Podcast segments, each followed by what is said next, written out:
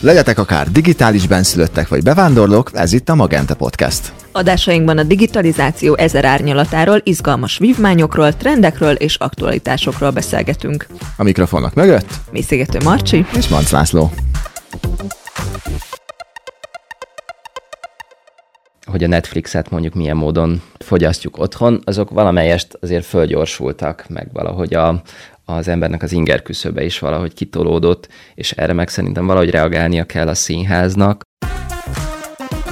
A technológiai újítások és a digitalizáció előbb a nézők zsebében jutott be a színházak terébe, már azonban forradalmasította az előadásokat is. Kamerák, kijelzők, letfalak, mobiltelefonok, tucatnyi kütyű és megoldás. Hogyan változtatják ezek majd a színház élményt? Közben a színház is felköltözött a digitális térbe, ma már bárhonnan bekapcsolódhatunk egy előadásra úgy, hogy még a 7 óra 7 perces kezdés sem kell kívánnunk. Vajon hova futhat ki mindez? Eljuthatunk odáig, hogy végül a mesterséges intelligencia generált egyedi drámákat nézünk, amikben robot főszereplők játszanak emberekkel karöltve? A stúdióban itt van velünk Nagy Péter István, a Radnóti Miklós Színház rendezője, akivel a témában beszélgetünk. Köszi szépen, hogy elfogadtad a meghívást, és rögtön egy fontos kérdéssel nyitnék.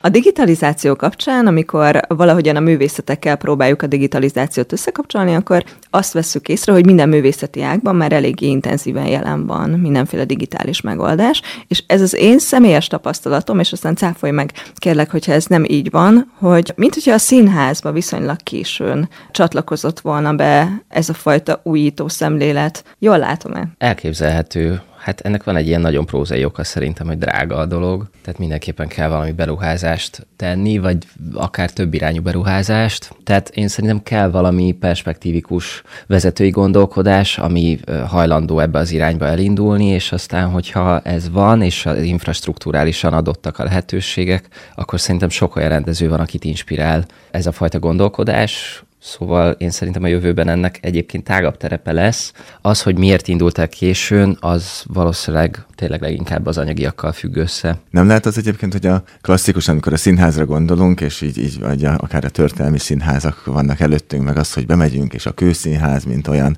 és az emberek valahogy azt várják, hogy ott kijönnek egy sötét, vagy kevésbé sötét színpadra, a színészek díszletek közé, szép kosztümökben, és hogy, hogy ott kicsit távol áll ettől a színház szótól így a fejekben a, az a modern dolog, meg digitalizáció, és hogy, hogy nem várják, vagy nem ezt várják. Hát lehet, hogy van ebben egy generációs dolog is. Ugye Magyarországon, hogyha kifejezetten a kőszínházak közönségét nézem, akkor egyébként biztos, hogy van egy ilyen kis előregedő tendencia, és alkotói oldalról is valamennyire megfigyelhető azért, hogy nehézkesen jön el, jött el a generációváltás. Most már azért viszont szerintem vannak olyan fiatal alkotók, elég sokan, tehát van egy ilyen markáns generációs lenyomat, akik viszont szerintem bátran gondolkodnak ebbe az irányba, tehát most, hogyha tetszik, akkor lassanként azért elérkezünk valamilyen fajta boomhoz, ami, ami meg meghozza ezt a digitalizációs újjászületést, nem tudom. És hogy volt, mondjuk én nekem a te, te eseted érdekes, hogy, hogy hogy volt az, amikor először így eszedbe jutott, hogy hát ez ilyen kis kijelzőt, vagy ilyen átlátszó, ilyen, ilyen paneleket rakjunk be, amin az plusz dolgokat vetítünk ki, hiszen mindig az, valahogy mindig a tablet példája jut eszembe, ugye egy csomószor van egy igény az emberek, vagy az emberiségbe, amire jön egy megoldás. Ugye a tablet a klasszikus példája, most ha itt előttem is van, csak így mondom, ami igazából nem volt igény, hanem a tablet megjelenése formált az emberekbe igényt. Hogy kapcsolódik ez ide? Juthat eszedbe ez a gondolat? Mindjárt megfejtem, hogy nektek volt, vagy a te esetedben neked volt először ez a gondolat, hogy kicsit modernizálni, vagy a közönségtől jöttek olyan visszajelzések, hogy esetleg lehetne valami extrában föltolni, és volt-e benned mondjuk félelem, hogy vajon hogy fogják fogadni? Hát egészen más honnan indul a történet. Nekem az egyetemen a Janis Attillával volt egy olyan kurzusom, amiben mi hát filmekkel foglalkoztunk, és ennek volt egy gyakorlati része is, amikor is forgattunk, és ott használtunk először ilyen élőkamerás megoldást, ami nekem akkor nagyon tetszett, aztán ezt valahogy elraktároztam, és igazából aztán az, hogy milyen formai megoldásokat használunk egy, egy adott darabnál, az, az mindig a darab első zenéből, szerkezetéből, gondolati világából, vagy gondolati magvaiból táplálkozik. Tehát jelen esetben most például a Fahrenheitnál azért az a fajta ilyen multimédiás világ, amit fel kellett építeni, ugye egy, itt, itt egy disztópiáról van szó, amiben nagyon erőteljesen jelen van úgy a média, hogy az mindenféle kijelzőkön és három falu vagy négy falu otthoni tévéken körbeveszi az embereket, tehát ezt valahogy meg kellett jeleníteni, és ehhez a gondolathoz egyszerűen passzolt ez a fajta eszközpark, és az élőkamerázás szint úgy, mint az előre fölvett dolgok, és ebből a gondolatból következett aztán az, hogy ha már vetítünk, ahhoz milyen felületek társuljanak, és Devics Botond egyébként az előadás látványtervezője, ő, az ő, ő gondolata volt, hogy akkor használjunk egy ilyen plexifalat, amire rárakunk egy intelligens fóliát, ami egyrészt egy ilyen fedőréteget is tud jelenteni, tehát hogyha nem akarjuk, akkor nem látunk be a térbe, egyszer mind vetíthetővé válik ez a felület, és ez egy nagyon érdekes, izgalmas játék lehetőséget adott, amiben kis ilyen hologramszerű jelenségeket is meg lehet csinálni. Nézőként én tényleg azt mondom, hogy ez nagyon hatásos, és nekem, nagyon tetszett. Na de mi a helyzet a színészekkel, ők, ők hogyan érzik magukat ebben a nagyon szürreális térben? Hát nagyon nehéz feladat elé vannak állítva. Ebben az előadásban tulajdonképpen egy dobozba vannak bezárva az esetek többségében, és hát nagyon nehéz így tartani a közönséggel a kapcsolatot. Tehát egy színházi színész az általában nagyon hozzá van szokva ahhoz, hogy hogy a nézőtér és a színpad között van valamilyen fajta energiaáramlás, ez nem feltétlenül egy ilyen lila vagy magenta színű dolog, hanem arról van szó, hogy egyszerűen ahogy a néző figyel, azt a színész valamilyen módon érzékeli. Tehát erre az emberek általában be vannak csatornázva, hogyha egyszerűen mondjuk arra gondolunk, hogy valaki ránk néz, és ezt egyszerűen érzékeljük, na ez is valami egészen hasonló dolog, csak kicsit talán komplexebb. És hogyha kettő közé rakunk valami falat, hát ez nagyon erőteljesen meg tudja zavarni a színész komfortérzetét, mert ezzel az energiával egyébként ő dolgozik. Tehát hiába van mondjuk egy rendezés által, vagy egy próbaidőszak által egyébként lekottázva az, hogy egy színész tulajdonképpen honnan, hová jut el, pontosan mit csinál a színpadon, azért akkor is ez egy élőművészet, és az, ami aktuálisan történik éppen ott, éppen abban a pillanatban, az nagyon erősen táplálkozik egyrészt a partnerből, a színész aktuális állapotából, és igen, abból is, hogy a közönség milyen módon figyel rá, milyen módon reagál rá, és ezt a részét eléggé megzavarja, felborítja az, hogy beraktunk egy ilyen falat. Ugyanakkor van egy másik hatása, amit, amit meg tulajdonképpen lehet használni, ez pedig az, hogy valahogy attól, hogy egy ilyen akváriumszerű dologban játszom, erőteljesebb a, a magányom, az önmagamra utaltságom, a néző perspektíve is egy kicsit valahogy olyan kukucskálóbb, tehát van egy kívülállóbb rálátása arra, ami történik a színpadon, és ettől valahogy érdekes módon hiába távolít el ez a fal, egyszer mind intimebbé is válik a játék, illetve az előző adás ráközelítése az emberre. És ezt egyébként lehet hálásan is felfogni, de hát természetesen nem könnyű és szokatlan, úgyhogy nehéz helyzetben vannak a színészek. Neked van pszichológiai előképzettséged, kellett-e igénybe venned ezt a tudásodat ahhoz, hogy mondjuk a színészeket trenírozz, vagy, vagy segítsd ebben a feladatban? Nem is kifejezetten ahhoz kapcsolódott talán, hogy ez a próbaidőszak mondjuk milyen volt, de hát ezt például azért még egészen telibe verte a Covid-nak az utolsó nagy lezöngése, úgyhogy azért volt természetesen idegrendszeri fáradtság, meg nem tudom, úgyhogy persze volt olyan próba, amit például ilyen jogázással kezdtünk, ahhoz, hogy így nullára lehessen hozni az állapotokat, és ne valami felzaklatott lelki állapotból álljunk neki a munkának, úgyhogy volt ilyen de ez nem feltétlenül azzal függ össze, hogy én pszichológiát hallgattam, tehát az, az azért egy alapvető szakmai elvárás, hogy legyen az emberben valamilyenféle empátia a színész felé. Mégiscsak ő viszi a vására a bőrét, meg ő szaggatja a lelkét, úgyhogy ezt nem lehet igazából nem empátiával figyelni, és segíteni a munkát. És akik ilyen távolságtartóbbak voltak talán az elején ettől a gondolattól, hogy, hogy az akváriumba zárod őket, meg hogy itt így plusz ilyen digitális eszközök lesznek és kivetítők, utána, amikor így akár a próba folyamat során, vagy amikor látták ők is, vagy, vagy visszanézték a, esetleg a felvételeket, akkor, akkor megértették, vagy, vagy, vagy könnyebb volt az elfogadásuk az irányba, hogy ennek így helye volt, és ennek akár ennek a modernizációnak azért, mert a mű is egyébként erről szól, és hogy, hogy nem beleerőltetett, hanem, hanem ténylegesen segíti a megértését. A... Gondolatilag én szerintem nem volt ellenállás, vagy azt úgy az, az első pillanattól értették, hogy ennek miért van itt helye. Ez sokkal praktikusabb dolog egyébként szerintem az, hogy egy próbán mondjuk azzal szembesülsz, hogy most éppen le kell menned a színpad alá, és akkor egy kamerába beszélni ahelyett, hogy ott állnál a színpadon, és, és tennéd a dolgod a néző közvetlen szeme láttára. Ehhez valahogy mindenképpen kell valamilyen fajta alázat, és egyébként sem feltétlenül úgy néz ki mondjuk egy próbaidőszak, hogy az elejétől díszletben próbálunk, tehát ez mondjuk az utolsó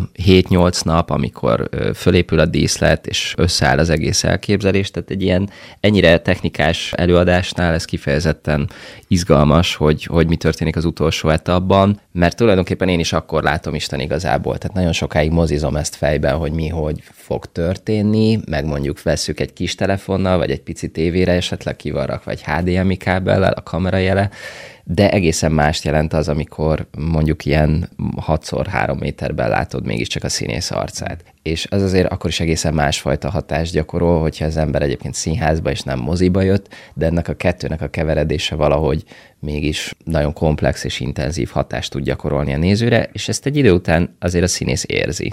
Meg hát itt gyakorlott színészekről van szó, akiknek van filmes tapasztalatuk is. Egyébként nagyon érdekes, hogy mégsem arról van szó, hogy itt teljes egészében filmszerűen kell játszani, mert akkor is színházban vagyunk, hogyha filmes eszközöket használunk. Tehát ennél azért valahogy mégiscsak sokkal komplexebb az egész. De például tök nagy meglepetés volt, amikor először találkoztak a nyilvános főpróbán nézőkkel, és egészen meg voltak lepődve az előadás végén, hogy a nézőknek ez tetszik, és értik, és jöttek vele, mert hogy egyébként valóban vannak olyan pillanatok, amikor úgy tűnik, hogy tulajdonképpen az is mindegy lenne a színész szempontjából, hogy a nézőtér kiürülte, vagy még mindig ott vannak az, a nézők, mert annyira, annyira nehézkes valóban ez az energiaáramlás, hogy mikor mennyit érzékelsz belőlük. Annak kapcsán, hogy azt mondtad, hogy ez egy élő művészet, az jutott eszembe, hogy a digitalizáció valahogyan abba az irányba viszel sok mindent, és ezért mondjuk más művészeti ága képviselői is eléggé lázadoznak, hogy kiveszhet-e valóban a humánum valaha valaha is a színházból. El tudjuk-e képzelni azt, hogy, hogy csupán digitális eszközökkel próbáljunk meg kiváltani hasonló érzetet, mint amit most? Hát vannak erre érdekes kísérletek egyébként. Most így kapásból a Rimini protokoll jutott eszembe, ahol az egyik alapvetés, hogy valamilyen módon kiveszik a színészt a színházból. Ugye ezt már sokkal sokféleképpen próbálták meghatározni, hogy mi a színház minimuma. A Peter Brook például ugye eljutott addig, hogy egy ember áll egy deszkán, és valaki nézi. Tehát valahogy úgy tűnt, hogy ez, és a Rimini protokoll meg valahogy mégiscsak tovább tudott menni ebben, és még a színészt is kivette a képletből. Az embert ugyanakkor szerintem nem lehet kivenni, tehát például volt egy Örökség című előadásuk, ami néhány évvel ezelőtt szerepelt itt a Trafóban is, vendégjáték volt, és ott tulajdonképpen halott emberek rekvizitumait mutatták be, úgyhogy megismerted egy adott embernek a történetét, illetve a halála körülményeit, de mégiscsak az ő személyes lenyomata volt jelen az adott térben, tehát a humánum akkor is nagyon erőteljesen áthatotta ezeket a dramatizált tereket, hogyha élő személy egyébként nem volt jelen. És valahol ez tényleg egy ilyen kísérleti terep volt a színház és a múzeum között, vagy valami kiállítás között, tehát azt gondolom, hogy a, a humánum az valószínűleg azért nem tud kiveszni, mert mégiscsak az az érdekes a, a művészetben, hogy az embert kutatja. A színház meg különösen adott esetben akkor is, hogyha éppenséggel valamilyen módon az emberségnek a hiányával foglalkozik, vagy az ember hiányával, de akkor is az ember a kiinduló pont. Tehát, hogyha annak az antitéziseit keresi, akkor is valahogy ott kell, hogy legyen. Szóval teljesen szerintem nem veszhet ki. Ez azért jó hír.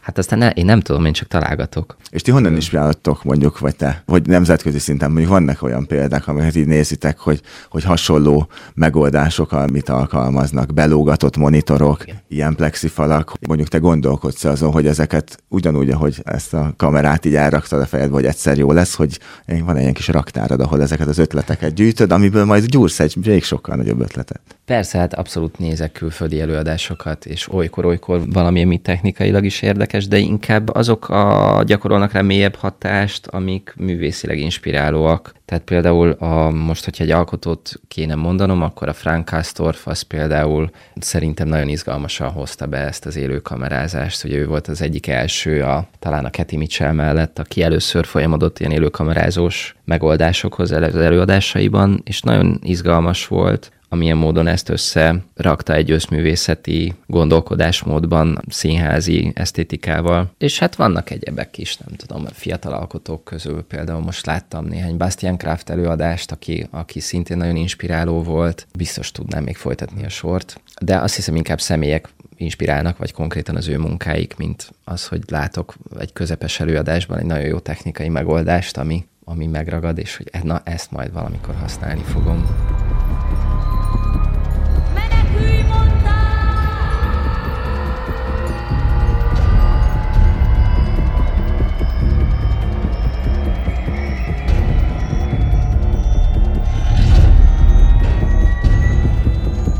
mélységes mély a múltnak útja.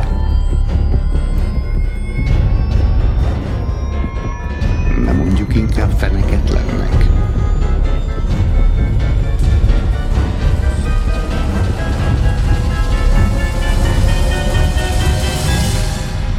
Mennyire kell a digitalizáció miatt újra értelmezni a színész szerepét a színpadon? Hát remélhetőleg nem kell. Tehát ezek olyan eszközök azért, amik nem veszik át szerintem a, a főszerepet a színésztől. Az biztos, hogy a színésznek meg kell tanulnia ezekhez valamilyen módon viszonyulni. Lehet, hogy ez egy újszerű dolog, más típusú odafigyelést vagy koncentrációt igényel, vagy gondolkodást, mint mondjuk egy egyszerűbb díszletelem, és máshogy kell mondjuk önmagát látni a színpadon bizonyos helyzetekben. Mit tudom én, mondjuk a Vége című előadásunkban ott használunk egy digitális letszalagokból álló falat, amire mindenféle ilyen figurális dolgot is rajzolunk, és a színésznek ilyenkor is kell egy picit legalább kívülről látnia azt, hogy milyen kép részese ő, és ahhoz képest eljátszani dolgokat. Tehát mit tudom, itt például konkrétan van olyan, hogy helyszíjelölések re mondjuk behozzuk az Erzsébet hidat kivetítve, és ahhoz viszonyulnia kell a színésznek, hogy ez most egy helyszínváltozás, vagy egy eszköz megjelenik rajta, és akkor az egy olyan impulzus, amire ő mondjuk reagál. Biztos, hogy egy kicsit másfajta jelenlétet, vagy odafigyelést igényel, mint hogyha mondjuk fizikailag bejönne egy tárgy, vagy egy helyszín, vagy akármi más de annyira meg nem idegen, és nem annyira újszerű ez a fajta figyelem szerintem, és inkább egyfajta esztétikából ered ez, mint konkrétan a digitalizációból. Úgyhogy azt hiszem, hogy ez nem egy annyira megterhelő dolog a színésznek, így önmagában. És a nézőnek, ezt pedig azért teszem fel ezt a kérdést, mert amikor én mondjuk szeretek ex extrémebb előadásokat nézni, szóval nem feltétlenül én vagyok az, aki elmegy egy, nem tudom, romantikus komédiára, és akkor kijön úgy, hogy úgy feltöltöttem. Viszont ugye az egy viszonylag egyszerűen értelmezhető előadás abból a szempontból, hogy bemegyek, megnézem, és nem kell mondjuk multitaskingolnom. Itt viszont, mondjuk a Fahrenheit közben abszolút éltem azt, hogy nagyon hasonlóan száguldottak a gondolataim az előadás nézése közben, mint ami történik velem, amikor dolgozom, vagy a hétköznapokban, amikor rohanok egyik helyről a másikra. Szóval éltem meg valamiféle multitaskingot, miközben néztem. Hát az nekem egy öröm, hogyha az előadás valahogy így közel kerül ahhoz, amit egyébként az életben tapasztal az ember. Az biztos, hogy a színházban szerencsére még egy valahogy egyen fókuszáltabb talán a nézők figyelme, mint általában a hétköznapokban. Ugyanakkor valahogy meg a kultúrafogyasztási szokásaink, és ez ideértem mondjuk azt is, hogy a, hogy a Netflixet mondjuk milyen módon fogyasztjuk otthon, azok valamelyest azért fölgyorsultak, meg valahogy a, az embernek az inger küszöbe is valahogy kitolódott, és erre meg szerintem valahogy reagálnia kell a színháznak, és ez speciál azért tényleg egy olyan előadás, ami reflektáltan erről a jelenségről is próbál meg beszélni, nem csak szavakkal, hanem különböző ingerekkel, vizuális kompozícióval, hanghatásokkal, stb tehát tulajdonképpen úgy mutatja be a jelenséget, hogy reagál is rá. Azt gondolom, hogy van azért egy pici álszentség talán általában a nézőkben, olyan értelemben, hogy egy kicsit mások az elvárások, hogyha az ember színházba megy, mint hogyha mondjuk valami filmet néz. És én ezt valahogy úgy soha nem szoktam érteni, hogy miért, ülök be olyan elvárásokkal egy színházi előadásra, amik valahogy bezárnak valami újfajta impulzusok elől elzárnak. Tehát valahogy a filmekkel kapcsolatban olyan megengedőbb az ember, meg nyitottabb. Nagyon nehéz feltárni, hogy ez miért van. Valószínűleg azért, mert ritkábban jut az ember színházba, és valahogy talán, hogyha vannak maradandó élményei, akkor valahogy azokat várja el újra, ahelyett, hogy folyton kíváncsi lenne. És én szeretek játszani egyébként olyan módon az elvárásokkal, hogy valahogy kiütni ezeket, és mégiscsak levinni a nézőt valami olyan szintre, ahol újra egy ilyen tiszta lapot meg lehet tapasztalni, és egy kicsit egy ilyen gyereki kíváncsisággal áll hozzá ez az egészhez, és valahogy újra föltölteni, vagy újraírni ezeket. Én egyébként, ez csak egy tipp, vagy egy gondolat, hogy azért, hogyha egy olyan film kerül elénk, ami nagyon távol áll attól, amit mi képesek vagyunk befogadni, akkor egész egyszerűen leállítjuk, mondjuk ha otthon nézzük, vagy még a moziból is szerintem hamarabb kijön az ember, mint egy színházból. Színházból kijönni, úristen, nem tudom, az egy ilyen nem halálos bűn kb, vagy nem tudom, hogy valaki csinálta már ilyet. És amikor én néztem a Fahrenheit-et, akkor a végén mögöttem ültek páran, és azt mondták, hogy fú, hát nem volt jó, egyáltalán nem olyan volt, mint a könyv, és így tökre benne volt az érzés, hogy hátrafordulok, hogy amúgy egyáltalán nem feladata, hogy olyan legyen, mint a könyv, tehát, hogy valóban sokkal inkább tényleg van ez az elvárás, miközben És milyen érdekes, miközben filmet nézünk, annál is egy csomószor mondjuk azt, hogy ez olyan, mint a könyv. Igen. És hogy mégis ugyanaz, most így visszakapcsolódva, hogy, hogy ott is ezért lehetünk megengedőbbek, mert hogy tovább tekerem, átlépek, választok egy új újat. Ez meg az egész kultúra, ugye nem, nem roppantanak popcornot és takót melletted, ugye? Tehát, hogy nem másfél Ilyen literes kólákkal jársz egy színházba, tehát annak megvan még mindig egy ilyen ünnepi varázsa, hogy, hogy színházba menni ünnep, és azért máshogy öltözünk legalábbis, talán még bízom ebben, mint a hétköznapokban, de lehet, hogy ez csak egy elvárás, és ez is teljesen hülyeség. Én szerintem simán lehet egyébként hétköznapi ruhába is színházba menni, sőt, én megengedőbb vagyok ezzel a felállás kimenés dologgal is. Tehát szerintem, hogyha valakinek nem, nem a világa valami, vagy valamivel nem ért egyet, vagy valami megsértődik, akkor nyugodtan álljon föl és menjen ki. Szerintem ez nem szentségtörés. Én azt gondolom, hogy maradjon ott, és nézze meg, és próbálja meg, nem tudom, próbálja meg, mert, mert pont ott, ott van szerintem egy, egy ilyen nagyon nagy tanulási lehetőség a színházban, amikor valami olyan dolog történik, amit egyáltalán nem értesz, és csak azért is azt mondta, hogy megpróbálok belőle valamit kihámozni. Szóval Igen, szerintem... mondjuk ezek különböző attitűdök egyébként, tehát egészen más az, hogyha valami szellemi restség miatt állsz föl, mint az, hogyha ez egy ilyen aktív felháborodás, hogy na, ez most annyira rossz, hogy muszáj felállnom és hazamennem. Amikor beszéltünk arról, hogy mennyire lehet kihagyni az embert a színházból, most hagyjuk benne az embert egy picit, de rakjunk mellé más dolgokat. De el tudod azt képzelni, hogyha megjelennek mondjuk a színpadon mondjuk akár egy robotok, vagy mesterséges intelligencia, ami mondjuk jelen állapot szerint az improvizatív képességeit tudja fejleszteni a színészeknek, hiszen nem kiszámítható. De hogy látod -e ennek a jövőjét, hogy igazából ott maradnak a, a, a színészek, mint emberek, de kiegészülnek később akár mesterséges intelligencia robotokkal, és, és egyéb, egyéb kütyükkel, amik most itt vannak, és megkerülhetetlenek jelen pillanatban. Abszolút, tökre vannak már ilyen előadások egyébként. Biztatok mindenkit továbbra is, hogy menjenek a Trafóba, és ott nagyon élő példáit fogják annak látni, hogy a kísérleti kortárs színház az hol tart. Igen, abszolút el tudom képzelni, hogy ez egyébként idővel hétköznapibb is lesz. Én a helyét is ki fogom égetni magamból. A hiányt, amit ez a Don Juan nevű férfi belém ültetett, addig égetem, míg a bőre illata a felperzselt hús szagává nem változik benne. Említetted, hogy a, a trafóban láthat az ember kísérleti színházi darabokat. De amikor én mondjuk először láttam tőled olyan előadást, ami a Don Juan volt, és ahol először láttam én ezt az élőkamerás sztorit, nekem az is kísérletinek tűnt. Te mennyire érzed egyébként azt, akár a Don Juan kapcsán, meg akár a, a, az utána készült előadások kapcsán, hogy, hogy te is azért ennek a, a vonalnak a részese vagy, vagy mennyire tök természetes már neked ez a nyelv? Én nagyon szeretek kísérletezni, jelentsen ez bármit adott előadás keretein belül. A Dohuánal az volt, hogy ez egy koprodukcióban készülő előadás volt a Komáromi Jókai Színház és a Szkénék között, tehát valahogy figyelni kellett arra, egyébként egy ilyen furcsa lehetetlen küldetés volt, és én szeretem a kapcsolatot tartani egyébként az adott színház nézőközönségével, de hogy itt aztán kifejezetten nagy volt ez az ív, amit le kellett fedni. A komáromi közszínházi nézők, nagy színpadon ment az előadás, és a szkéné közönsége, akik mondjuk egyébként egy ilyen kísérleti befogadó attitűddel rendelkeznek. Ezt Fekete Ádámmal adaptáltuk a Don Juan sztorit, és írtuk meg a saját verziónkban. Ez már mondjuk önmagában szavatol valamiféle különlegességet, hiszen az Ádámnak nagyon különleges szürreális világa van, ezért is kértem föl, egyébként nagyon vágytam vele dolgozni. Így speciál egyébként az élőkamerázás, az valahogy sokkal inkább egy ilyen szubjektív minőséget tud megmutatni. Tehát még mondjuk a Fahrenheitnál valahogy a világ részéhez tartozik az, hogy mindenhova bekukucskál a társadalom, és minden elérhető felületen multimédiásan kommunikál veled. Itt meg valahogy valami belső perspektívát akartunk kiemelni ezzel a kamerahasználattal, és sokkal inkább egyfajta ilyen tudatfolyamszerű történetmesélés részeként, vagy eszközeként kitágítani a főhősnek azt a belső valóságát, ami aztán végül is kiömlik a színpadra, és eluralja az egész előadást. Valahogy komplex volt ez a gondolat, hogy miért nyúlunk ehhez az eszközhöz, de valahogy itt is összeért a forma és a tartalom, azt hiszem. Mennyire jó, hogy ezt elmesélted, mert hogy ahogy most lepergetem magamon a két előadást, marha izgalmasnak látom azt, hogy ugyanazt az eszközt két teljesen más dologra is lehet használni, és tényleg most, ahogy végig gondolom, ez működött. És mik a tervek a jövőre? Mit várhatunk?